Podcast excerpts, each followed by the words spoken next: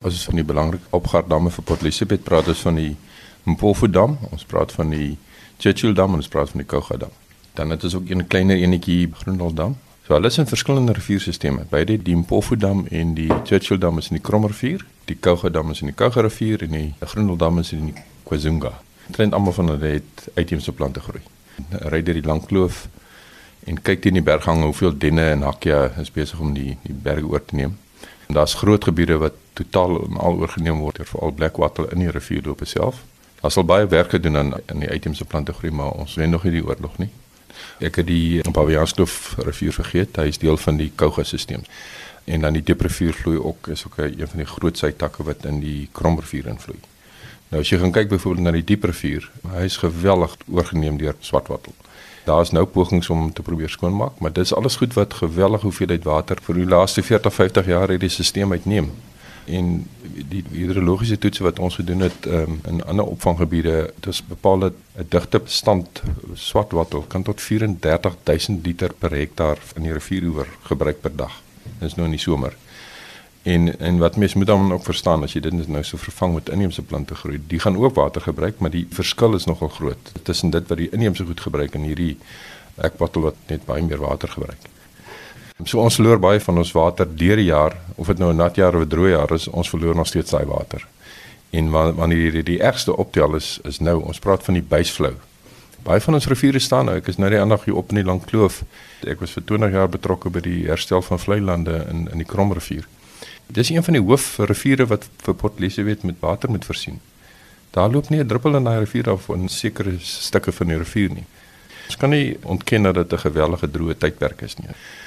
Maar om dan nog 'n paar honderdduisend hektaar se uitheemse plante groei in jou opvanggebiede te help nie ons in enige sin nie. Nou, Japie Bakkel, jy is 'n ekoloog gebaseer hier in Nelson Mandela Bay wat ook baie weier gewerk het al, ook in die Baviaans Kloof en ek onthou jou werk eh, ook met werk vir vlei lande. Maar as ons nou kyk na die indringerplante groei wat so verskriklik baie water absorbeer in die opvangsgebiede. Dan moet dit tog ook die grondwaterbronne raak. Verseker, alle water wat jy oormatig onttrek, vul nie jou onderwaterbronne aan nie. Soos ek net genoem het, die die Kromrivier staan op sekere plekke. En grondwateraanvulling gebied oor 'n lang tydperk net veral hierdie geologiese water wat diep onder in die akwifers gaan het. Dit vat honderde jare vir daai goed om aan te vul. So ons raak bekommerd as mense te veel boorgate sink want almal sit 'n strooitjie in die water en as jy nie weet hoe groot daai bron is nie, dan kan jy hom ook on, oor onttrek. Ons sien dit oral nou in die Karoo onthou die Karoo het ook droogte. Dit is nie net Port Elizabeth wat sukkel met droogte nie. En daar begin die manne sit boorgate almal opdroog.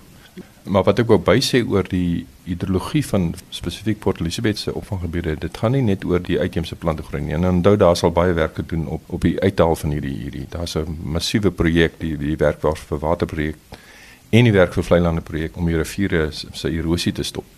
Nou dis die ander deel wat die probleem is. Die watertafel het in baie plekke so gesak en as gevolg van en dit is nie altyd net boerdery probleme nie, maar daar was met die bou van die teerpad destyds so in die 1940e jare deur die lang kloof het hulle die pad ene weer oor die vlei lande gevat en het altyd die nouste areas gekies en dan het hulle nou 'n bruggie daar gebou en dit het geweldige erosie begin doen op die Kromrivier. Toe ons met werk vir vlei lande begin het daar in 2000 het ons soos, ek dink 9 strukture gebou net om die kopierosie van hierdie dongas en van hierdie dongas was tot 5 6 meter diep. Dit was goed wat voorheen palmiet vlei lande was wat 6 meter hoër gesit het. Nou is daar 'n donga van 6 meter diep. En wat dit doen, mense met die hidrologie verstaan. So as jy dit doen dan verlaag jy die watertafel na daai nuwe vlak, daai 6 meter laer vlak. Om om te verstaan as jy sê hy dry neer laer, is dat as hy daar weggevreet is, kom ons sê nou maar vir 'n pad onthaalwe. Dan begin die vlei land homself as ware opvreet omdat hy heeltyd na die laagste punt wil gaan. As jy waterval hoor in vlei land, dan weet jy jy het probleme.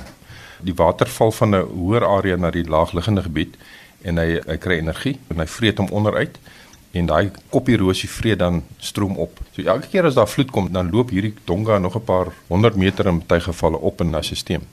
En wat dit dan doen is dit dreineer die hele opvanggebied baie vinniger. Die probleem waarmee saamgaan, jy het daai vlei lande verloor wat 6 meter hoër gesit het en baie van daai vlei lande is palmietvlei lande wat veen onder hulle het. Hy hou tot 80% van sy waterhou vermoë in volume gewys. So as jy 'n kubieke meter veen het, dan kan hy 800 liter water vashou. Ons het groot stukke vlei lande in albei riviere, die Krom en die Kouga, het ons verloor. En nou gaan ek weer terugkom nie, want die rivier is te diep uitgevreet. En as ons oor hidrologie praat, is daar nou 'n paar sonnebokke ook. Hierdie manne met die geel masjiene. Is dit nou soos hulle sal sê die stootskrapers en sulke Ek sê altyd palmiet is die superglue van hierdie vleilandstelsels. Palmietplant. Hy kan omtrent enige vloed staan. Hulle is ontwerp deur miljoene jare om vloede te kan hanteer. Wat hy nie kan hanteer is blackwattle en 'n geel masjien, 'n bulldozer, 'n backactor. Dis die vinnigste manier om hulle op te voeter. En dis wat baie gebeur. Baie van die rivierstelsels, ek kan jou Krakeel rivier toe vat, ek kan jou Louterwater rivier toe vat, ek kan jou Haarlem rivier toe vat, ek kan jou na enige in die Braam rivier toe vat. Ek kan jou in die Krom rivier invat waar groot boere en hulle weet wie hulle is gereeld met hulle bulldozers aan gaan na vloed want hulle wil nou die water uit hulle lande uithou want hulle het in die vloedvlakte hulle lande gaan plant. Dan word die rivier gekanaliseer en wat wat hulle gewoonlik doen is hulle grawe die onderkant van die rivier uit so hulle verlaag die watertafel en hulle gooi hierdie groot walle weerskant te laat die rivier nou nie oor die banke moet vloei nie. So jy skep nou nog 'n totale reguit kanaal. Nou tel daai rivier water spoed op en energie op. Wat water doen is hy energie optel en vat hy groter sediment saam. En die manne aan die onderkant van waar riviere reguit gemaak is en gekanaliseer is, sal vir jou sê hoeveel sediment is op hulle grond neergesit. nou stroom af en dis waar die opgaardamme is. So jy kry ook baie meer sediment in die opgaardamme. Is dit wat besig is om te gebeur met Nelson Mandela Bay se opgaardamme? Die voordeel van die krom en in 'n minder mate die Kouga, daar is nog hier en daar 'n uh, oorlewende stukkie vlei land. En die goed is absoluut ontwerp om sediment op te vang. Daar is meer sediment wat afbeweeg, dis verseker. Maar ons het baie minder van hierdie hidrologiese buffer effek omdat die vlei lande soveel minder is. So wat kry jy nou as ons goeie reën kry? As jy nie vlei lande in jou stelsel het nie, dan kan hy nie daai vloede absorbeer eers. So nou kry jy flash floods, groot vloede wat geweldige skade aanruk en jy het nou klaar jou rivier ook nog reguit gemaak. En maak nie saak hoe diep hulle daai rivier maak en hoe hoog hulle die walle weerskante nie, as jy hierdie groot vloede kry, gaan hulle in elk geval nou oorgaan. En die Baviaanskloof is daar baie goeie illustrasie van die boere wat al dit gesnap het en hulle kanalisering begin toemaak het en nou weer hulle riviere versprei en hulle hidrologie in hulle riviere begin herstel. Die probleem in die Langkloof met die hoë waarde boorde wat hulle het weerskante van hierdie strome nou het hulle geplant tot teen daai walle. So nou kan jy nie meer die rivier in sy natuurlike vorm kry nie want die boorde is tot teen hierdie reguit gemaakte kanale wat geskep is, mensgemaakte kanale. So die droogtes is mensgeïnitieer, baie van dit. Maar dit is nou juist wat ek wil vra. Is daar nie wetgewing daarteenoor nie? Ehm um, daar moet tog regulasies in plek wees om die gesondheid van 'n rivier in stand te hou. Daar is wetgewing, beide in die waterwet en in NIMA, maar dit word nie toegepas nie. Daar's net te min mense op die grond wat by al die goed kan uitkom. Ehm um, doen jouself guns na die volgende vloed, want ons gaan weer 'n vloed kry. Hy is op pad. Gaan kyk hoeveel geel masjiene kry jy in die Langkloof in die riviere. En die Langkloof is die opvangsgebied hoofsaaklik vir die Kougadam of die Impofu-dam? Hy's vir beide. So die gedeelte van sê nou maar van Haarlem ooswaarts tot verby Jubertina tot by die Heights. Dit vloei alles in die Kouga rivier in. So die die noordelike hange van die Tsitsikamma-berge en die suidelike hange van die Kouga-berge vloei alles na die Kouga rivier. Dit is 'n groot opvanggebied. Plus die Baviaanskloof is 'n sytak van die Kouga wat dan in die Kouga dam invloei. Van die Heights af verder oos is die Kromrivier. Hy het 'n heelwat kleiner opvanggebied en hy het een groot sytak die Dieprivier wat tans in 'n baie swak toestand is as gevolg van die blackwattle infestasies. So ja, Kouga is 'n massiewe boerderyarea en meeste van hulle het hulle eie damme of kry uit die, die bergstrome uit die Tsitsikamma uit. Daar's heelwat damme as jy gaan kyk. Die surpluswater vloei dan af tot in die Kouga rivier. Die inwoners van Nelson Mandela Bay, hulle stort nou in bakke en die water word weer in die toilet gebruik en eintlik is water 'n groot luukse en hulle dreig hulle gaan nou konstruksie meters op jou water sit as jy meer as 6000 liter water 'n maand gebruik. Maar die verbruikers waterbesparing in Nelson Mandela Bay klink vir my nou na werklik die spreekwoordelike druppel aan die emmer as 'n mens dit vergelyk met die indringer plante groei en die boerderye. Ek het ongelukkige syfers voor my wat kan vergelyk hoeveel wie wat gebruik nie, maar Port Elizabeth gebruik redelik baie. Nou die krom en die kouge opvanggebiede is nie die enigste bron van water nie.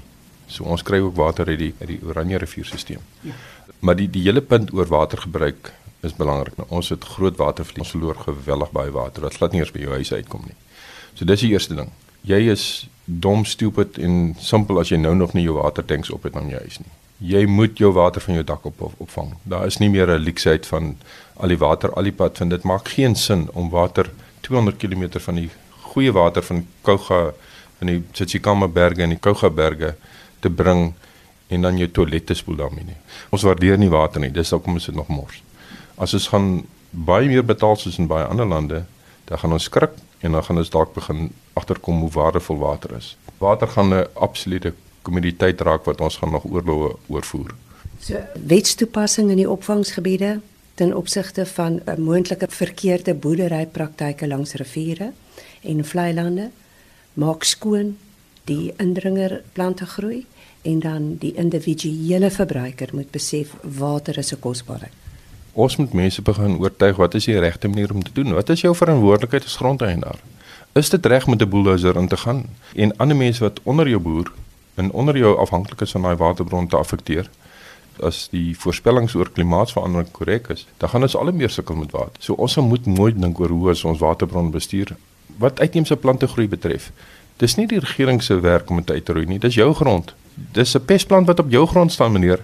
Doen nie saamtrend. Jy kan nie net dink die staat gaan dit vir jou doen nie. Jaapie, die stadsowerhede sê nou ons gaan teen Julie. As dit nie goed gaan reën en as die verbruik ook aanhou soos dit nou aanhou, dan gaan ons nou Kaapstad se spreekwoordelike dag 0 bereik. Nee, die kans is baie goed. Dis hoekom ek sê jy's dom as jy nog nie 'n watertank op het nie. Wat wat doen jy nou? As jy nie water in jou kraan het, hoe spoel jy jou toilette? Hoe gaan ons maak met mense in koshuise? In woonstelle, jy gaan daai plekke moet toemaak, mense moet huis toe stuur. En as jy mooi daaraan dink, kyk hoe groen is hier op die stadium. Die droogte is nie op die kusgebied nie. Die droogte is in ons opvanggebiede en verder dieper in die, in die klein Karoo en die Karoo in. So kry jy jou watertanks en begin jou water opgaar want jy gaan dit nodig kry. Die vooruitsigte lyk nie baie goed vir die volgende 2-3 maande nie. So ons gaan uit water uithardloop. Dis nie of nie, dis net 'n kwessie van tyd.